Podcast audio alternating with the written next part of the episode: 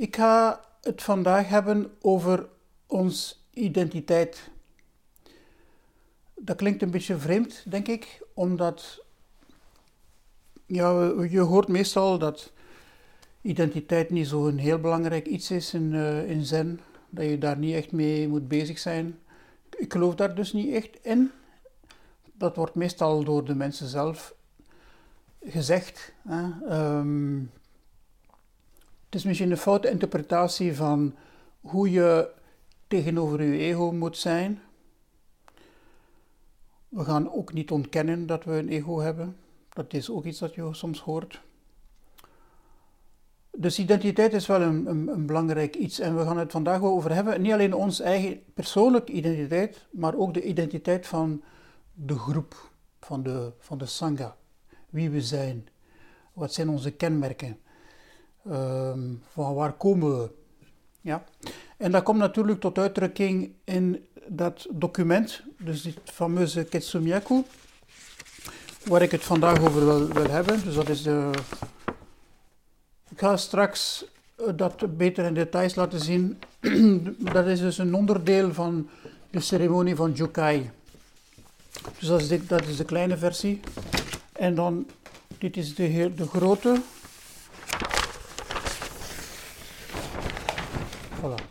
Ik ga dat subiet nog in details uh, laten zien. Ik ga mijn, screen sharen en ik heb uh, pdf-documenten die dat veel beter tonen dan zo via de webcam.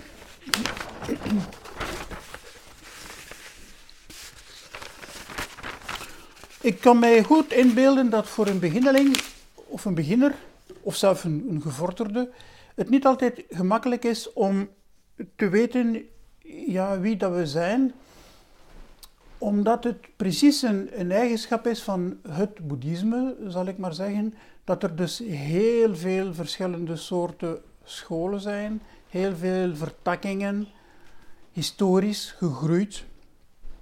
En dat het voor een, iemand die ja, zoekt naar een plek om uh, te, te, leren mediteren binnen het boeddhisme, het niet altijd zo evident is om ja, te weten waar ben ik hier terechtgekomen, wat zijn... En dat heeft te maken met het feit dat er, in tegenstelling tot het, bijvoorbeeld het christendom, er geen centrale gezag is die het geheel controleert, bestuurt, in goede banen leidt. Dat is er dus in het boeddhisme niet. Er is geen paus, er is geen hiërarchie van paus en, en kardinalen en bisschoppen en priesters enzovoort enzovoort. Dus dat is voor iemand die begint uh, een beetje verwarrend in onze westerse geest, want daarin zijn we opgegroeid hè, en die traditionele manier van, van doen van het christendom of zelf protestantisme, ik denk zelfs de orthodoxe christenen hebben dat ook. Um, voilà. Islam heeft dat dus ook niet. Dus dat is ook een interessant gegeven om te vermelden. Dus wat is er dan wel? Ja, um, laten we misschien, en ik ga meteen mijn, mijn screen sharen. Uh, laten we misschien een klein beetje, voordat we echt ons duiken in die Ketsumyaku, een beetje de historiek um, een beetje bekijken. En in notendop natuurlijk. Hè. Uh, ik ga mijn Firefox. Nee. Ja, geef me hier mijn scherm. Even. Voilà. En nu ga ik. Voilà, dat moet je. dat zouden jullie nu moeten kunnen zien, die kaart. Van de verspreiding van het boeddhisme via. Um, maar ik ga even eens luisteren. Uh, kunnen jullie me bevestigen dat jullie dat horen? Kan iemand even ja zeggen of zo? Oké, ja, merci, ja. Dus wat we hier zien is de twee grote uh, scholen die historisch ontstaan zijn, Theravada en Mahayana. En de manier waarop het dus geografisch is verspreid geweest vanuit Bodh de plek waar Boeddha dus ontwaakt is. Dus dat is allemaal een klein beetje, uh, er zijn meer dan één plaats natuurlijk voor Boeddha, maar dat we maar ervan uitgaan dat dat die plek is. Dan heb je inderdaad dus de, wat we noemen de zuidelijke scholen eigenlijk, die dus effectief naar Sri Lanka is gegaan en van daaruit naar Thailand, Laos en zo verder, die landen die zich hier bevinden. en dan is er een beweging geweest die dus dat van het Mahayana is, waaronder Zen behoort, die dus naar China is gegaan. Ook via een omweg via het westen van India en zo via verschillende wegen, waarschijnlijk vermoedelijk de zijderoute, routes, um, rondreizende monniken, is dat dus in China terechtgekomen. En vanuit China is dat dan naar Korea gegaan, hier, en naar Japan. Um, er is een andere kaart die uh, misschien ook wel interessant is om te zien. Dat is deze hier. Waarin je uh, iets beter uh, geografisch ook weer de landen die dus. nee, ik wil even nog een klein beetje. Ja, voilà. Dus nogmaals de, nogmaals, de Theravada, dat zijn dus deze hier. Sri Lanka, Burma, Thailand, Laos en Cambodja. Dan heb je het grote voertuig, Mahayana. Dus dat is een heel groot stuk van China. Korea en Japan. Vietnam hoort er ook wel bij. En dan heb je de derde grote stroming, de Vajrayana. Dus het diamantvoertuig. Dus het wordt gezegd, Theravada is het kleine voertuig, Mahayana is het grote voertuig. Vajrayana is het diamantvoertuig, die dus inderdaad Tibet um, heeft uh, weten te bekoren, zal ik maar zeggen. Mongolië. Voilà. En ook hier een klein stukje, dat wist ik zelf niet. Goed, dus daar, daarmee geeft je een, beetje een beeld. En natuurlijk is dat nu, dus, dus dat is historisch. Hè? Uh, als we nu naar de 20ste, 21ste en 21ste eeuw kijken, ja, dan is dat verspreid over de hele wereld, natuurlijk. Dus vanuit Japan, wat onze zen-traditie betreft, is het dus vanuit Japan gegaan enerzijds naar, de, naar Zuid-Amerika en de Verenigde Staten. Reeds al eind 19e eeuw is dat gebeurd met grote immigratiegolven van mensen vanuit Japan. En dus ook monniken die meegingen. En uh, via individuele overdracht, zal ik maar zeggen, onder andere wat ons betreft, meester de Shimaru, een monnik vanuit Japan, die dus eind jaren 60 in Frankrijk is terechtgekomen. Voilà. Goed, ik ga even mijn screen nu even stoppen met de share. Voilà. Oké, dan zijn we weer terug. dus kort nog eens, um, dus de drie van de twee grote scholen wat ons betreft, Theravada en Mahayana. Theravada is uh, de oudste van, van, van alle scholen en die beroept zich op het hele Pali-kanon, dus alle sutras die de, Boeddha's, die de Boeddha zo hebben uitgesproken. En dat is redelijk indrukwekkend, dat is redelijk heel veel aan, aan, aan tekst en zo. Volgens mij zelf misschien wel tien keer de, eh, de, de, het volume van, van de hele Bijbel. Het is redelijk veel. En dus dat is hun basis. En hun ideaal is het ideaal van de heilige, van de Harat, die dus tot bevrijding komt en uit samsara kan treden en niet meer terugkeert naar dit bestaan. Dus dat is eigenlijk uh, dat is de school van Theravada.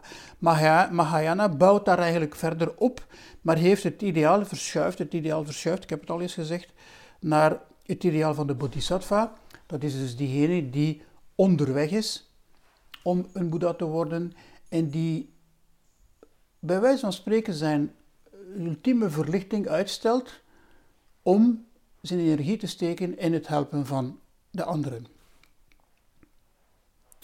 Dus als het in uh, dus het grote voertuig, die dus vanuit India ontstaan is, in China is terechtgekomen, dus het is eigenlijk via die weg eigenlijk ontstaan, heeft zich uh, een soort uh, invloed, is er een invloed geweest. Want daar in China was er reeds het Taoïsme, Taoïsme die een soort ja, manier is, leefethiek, een soort hoe je met het besturen van het land, ook onder andere, maar ook de, de, de familie, hoe dat, dat eigenlijk moet, moet geregeld worden, van het Taoïsme. En dan heb je het Taoïsme, nee, het Confucianisme, sorry, excuseer, het Confucianisme, dus dat is de bestuurkunde van op klein microniveau de familie, op groot niveau heel het land.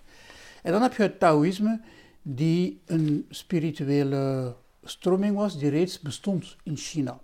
Dus eigenlijk, dat is ook een interessant verschijnsel, hadden de Chinezen absoluut geen nood aan een nieuwe spirituele traditie.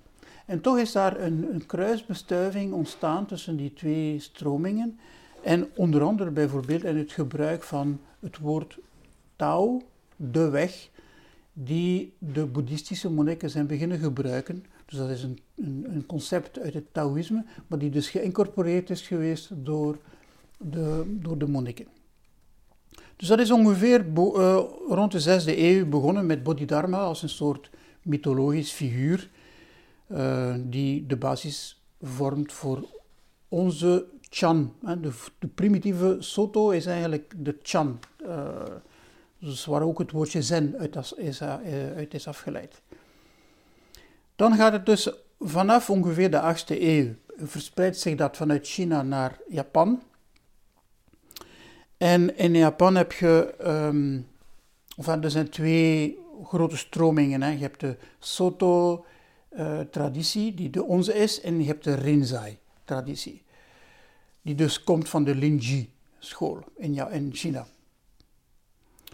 Wat onze Soto-school betreft, hè, um, eigenlijk de, de, de, de grote voorvader is eigenlijk Tozan Ryokai, een monnik uit de 9e eeuw.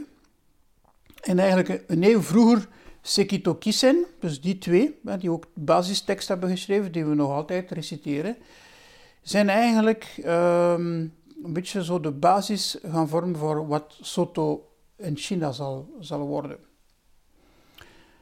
En dan heb je natuurlijk onze fameuze meester Dogen, die in de 13e eeuw eigenlijk vanuit Japan naar China is gegaan. Want voor de Japanners was China eigenlijk de bakermat van het boeddhisme. En heeft hij daar dus een grote ervaring gehad met een Chinese leraar en heeft daar een bevestiging van gekregen van zijn verlichting en is hij dan teruggekeerd naar Japan om dan een tempel op te starten van verschillende. Dat is in verschillende fases geweest, maar ik doe het heel kort. En uh, de basis heeft gevormd voor de Soto in Japan. Dus dat is de, het, het, klooster Heiheiji die zich helemaal ver weg van de steden en zo. Eh, eh, nu vandaag nog altijd is het complex om er naartoe te gaan. Echt in de bergen, ver weg van alles. En dan heb je een eeuw daarna meester Keizan. Dus die twee, meester Dogen en meester Keizan, worden vandaag nog altijd beschouwd als zijnde onze twee founding fathers van de Soto-school. Laten we zeggen dat meester Dogen voornamelijk de klemtoon heeft gelegd op de meditatie, de zitmeditatie. En meester Keizan uh, heeft ook klooster, een kloosterorde op, opgestart, hè, Sojiji, het klooster Sojiji, waarbij natuurlijk ook uh, mediteren een heel belangrijk onderdeel is, maar hij heeft het voor een stuk gepopulariseerd naar de buitenwereld, door uh, een soort kalender op te starten van feestelijkheden. Ja waarbij dus de mensen van buiten de tempel eigenlijk betrokken werden met activiteiten in de tempel. Het is ook meester Keizan die uh, de rituelen zoals wij ze nu eigenlijk een beetje kennen, met de instrumenten en zo heeft geïntroduceerd. Meester Keizan is ook iemand die belangrijk is, is geweest voor de introductie van nonnen, een nonnenklooster. Voilà. Laten we nu even kijken naar die Ketsumiyaku. Eerst en vooral, Ketsumiyaku betekent bloedlijn. Dus die rode lijn die je kunt zien op, op, het, op document, ja, gaat dus van, van, van Boeddha naar verschillende patriarchen. Dus symboliseert eigenlijk de, de relatie tussen de verschillende patriarchen. Nu, die relatie die noemen we overdracht.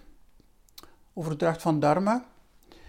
En de primitieve uh, van de eerste scène van een, een, een overdracht is bij Shakyamuni Buddha zelf. En ik ga even, even de tekst voorlezen, jullie kennen het misschien wel.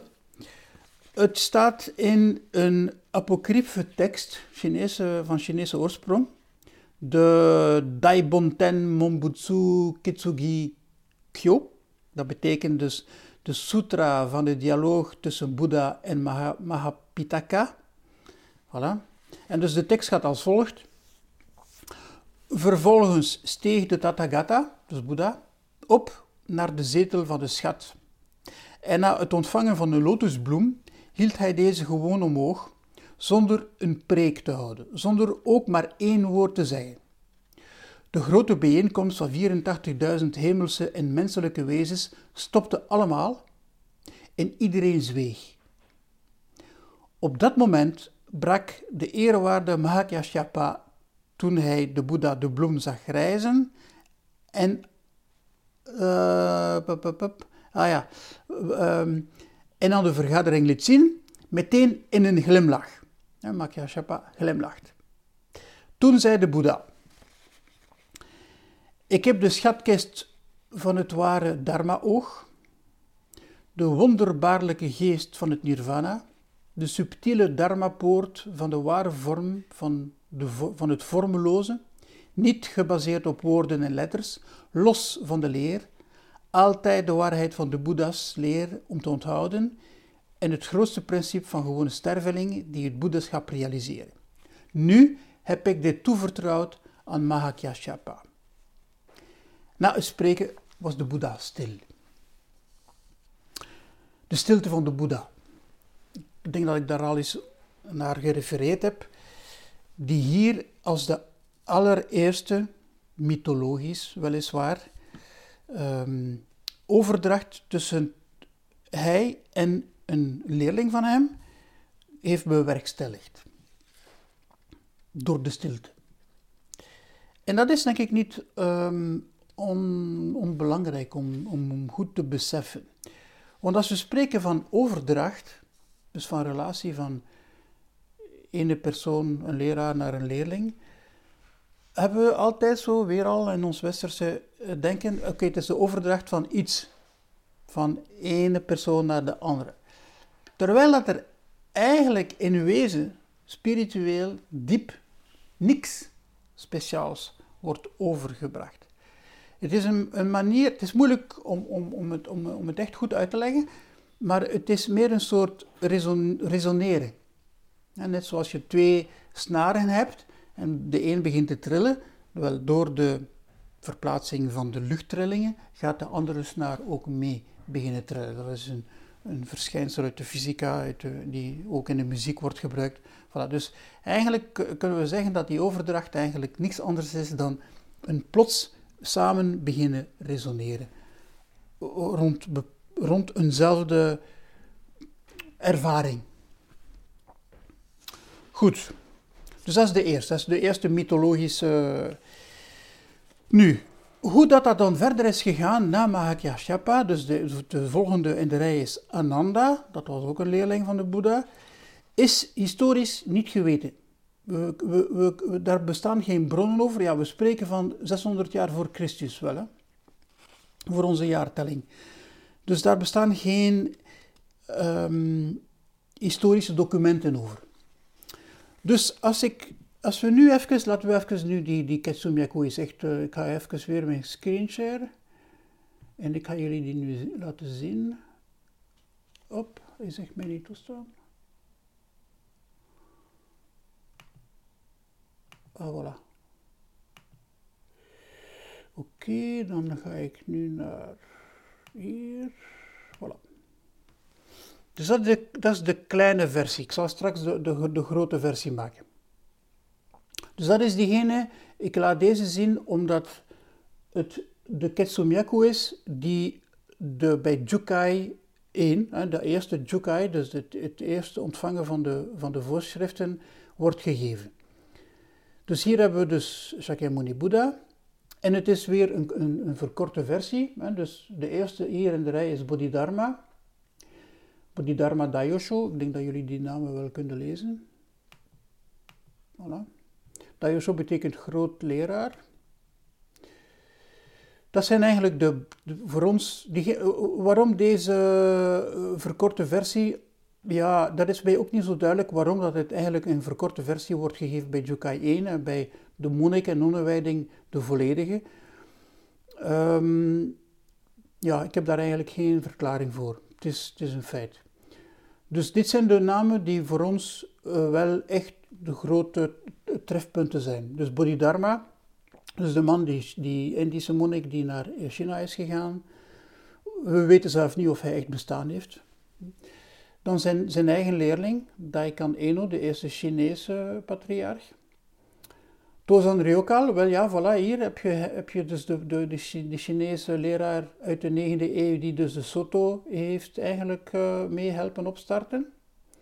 Dan hebben we de leraar van meester Dogen, Tendo Nyojo, Dogen zelf. Dan hebben we hier Keizan. Dan gaan we vier, ja, ik denk vijf eeuwen direct. Uh, we maken weer een sprong in de tijd.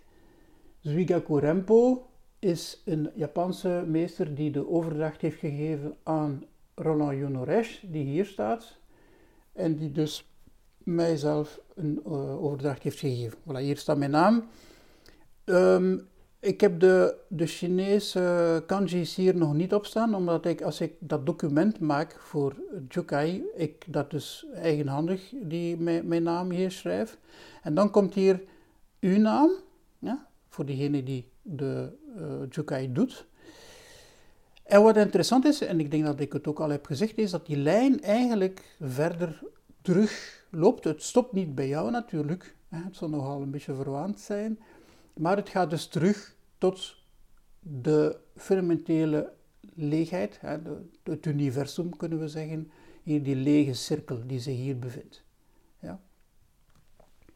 Voilà, dus dat is eigenlijk um, de Ketsumyaku, dus die bloedlijn. Waarom is dat bloedlijn? Omdat er gezegd wordt dat in de traditie, als een leraar aan zijn leerling Dharma-overdracht geeft, ze dus samen die Ketsumyaku maken, dus die lineage, ja, en de lijn die tussen de namen als een soort verbindingstuk wordt gemaakt met inkt die, die samen met het bloed van de leraar en van de leerling samen wordt vermengd en, en die rode kleur bezorgt.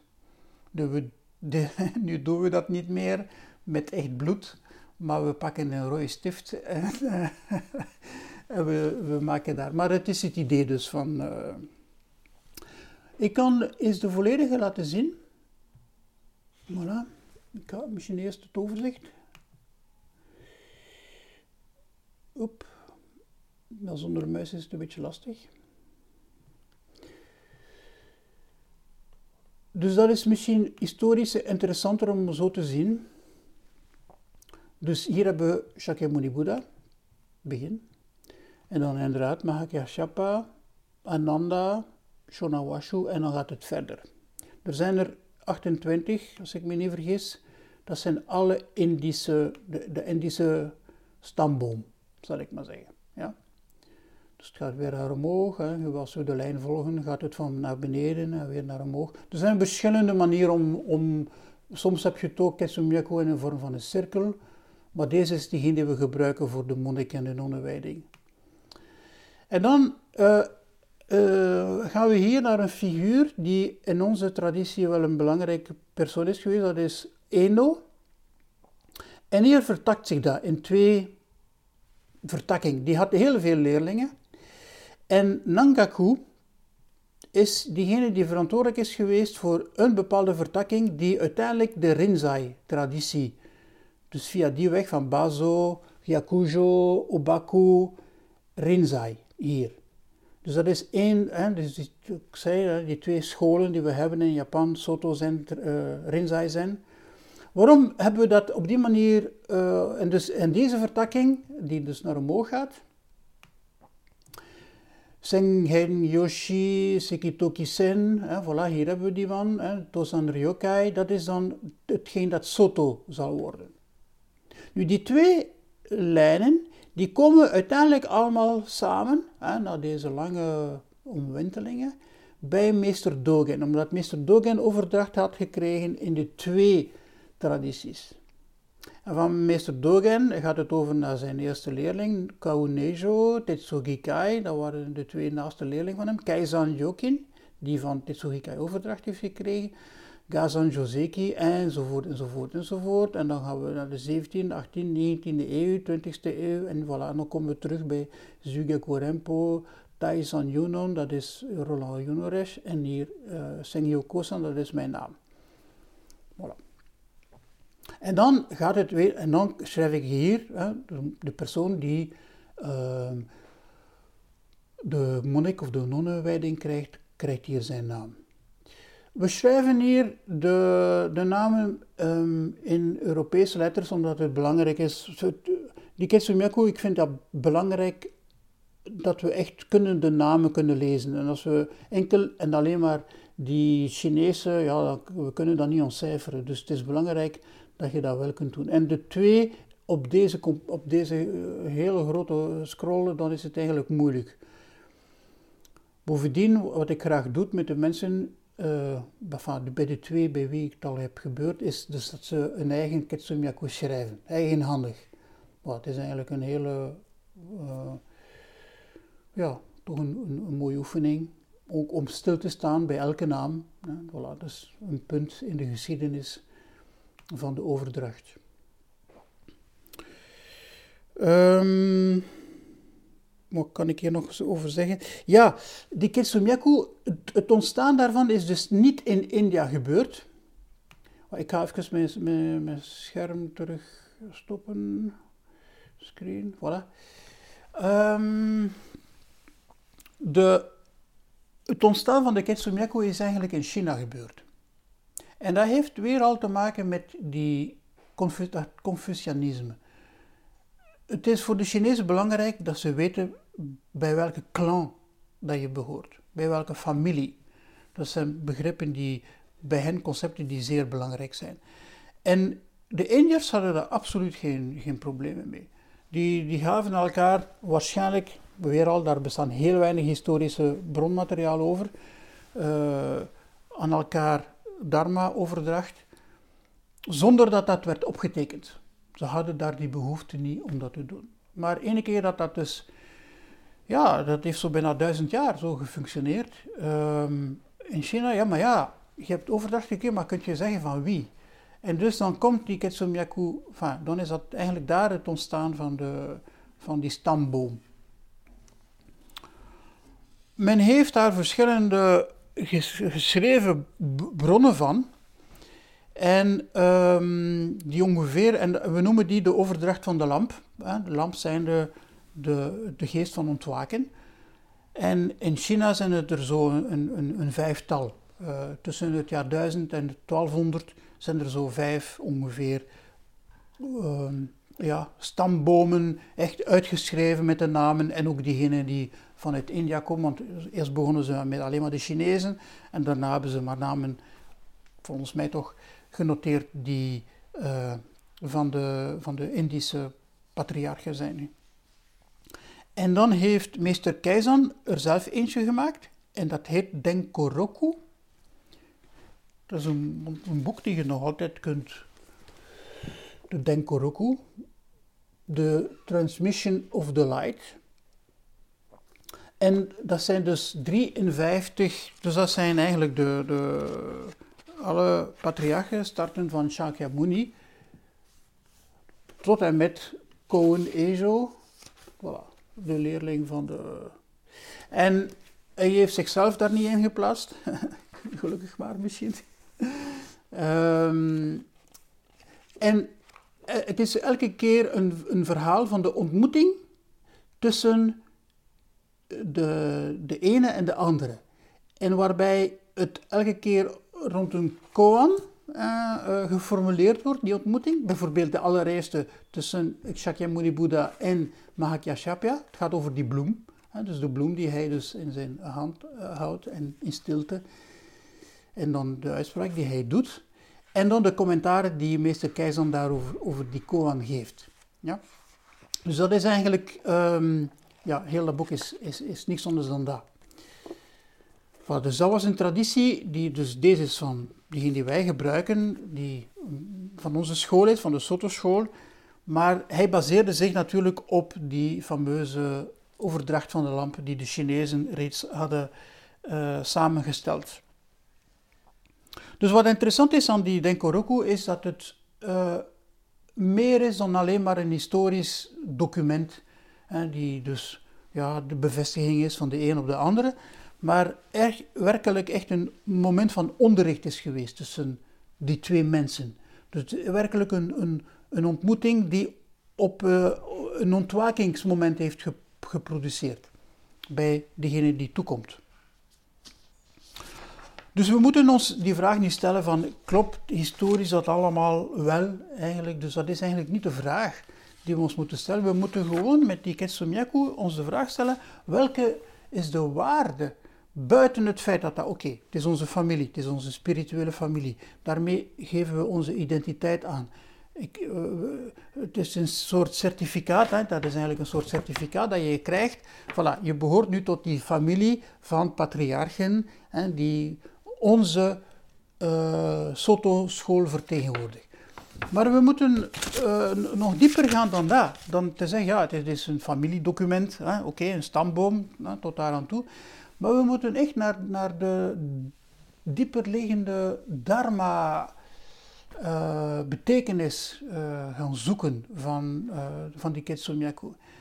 En dat is iets dat ja, niet, niet zo heel gemakkelijk uit te leggen is. Uh, maar die, ook omdat, um, hoe moet ik het zeggen, de, de overdracht van, van zen, de manier waarop het eigenlijk, elke zazen is een overdracht van zen, natuurlijk. Hè? Dus daar ga ik zeker niet, niet, niet twijfelen.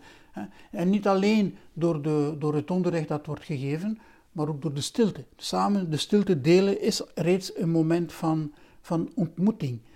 Wel ja, maar dus voor mij is, is het precies dat. Het is het samen elkaar ontmoeten in de Dharma die eigenlijk de sleutel is van die Ketsumyaku.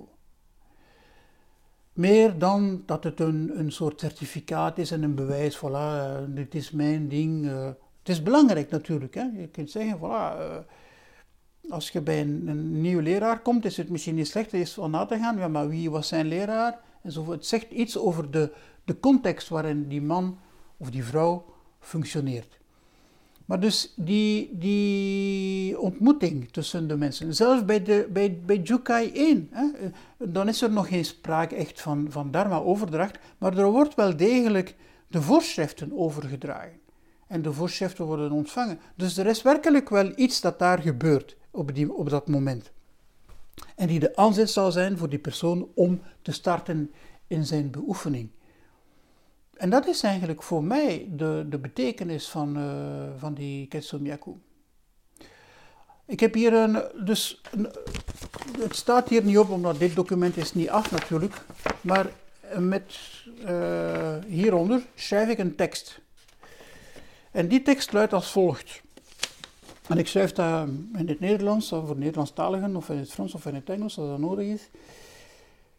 Dit is de fundamentele band van de leerlingen van de Boeddha, waarvan de overdracht werd toevertrouwd aan de opeenvolgende meesters.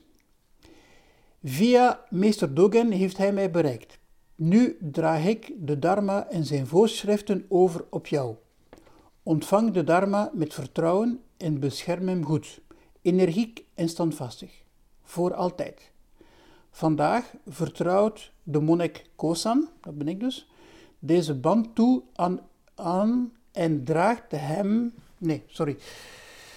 Uh, vandaag vertrouwt de monnik Kozan deze band toe aan en draagt hij hem over op deze oprechte man of vrouw die het geloof heeft en de voorschriften respecteert. Wat, wat hier staat is het vertrouwen dat ik uitdruk in de persoon die de voorschriften ontvangt. En, en, en dat is veel belangrijker, denk ik, dan de, de historische juistheid van uh, Ananda. En ook, dat zijn waarschijnlijk wel mensen, Ananda zeker. Uh, maar een aantal van de namen, Shonawashu, heeft die man echt geleefd? Ja, een goede vraag. Dat is niet zo heel belangrijk. Dus voilà, het vertrouwen dat de leraar aan de leerling geeft om hem op weg te helpen in de Dharma. Dat is eigenlijk de, de betekenis van die Ketsunyaku. Voilà, dat was wat ik vandaag wou vertellen in verband met onze identiteit, wie we zijn, van waar we komen, wat de Soto-school is, heel kort allemaal, en wat de betekenis is bij Jukai, bij de overhandiging van de voorschriften voor de persoon die het krijgt met dit certificaat.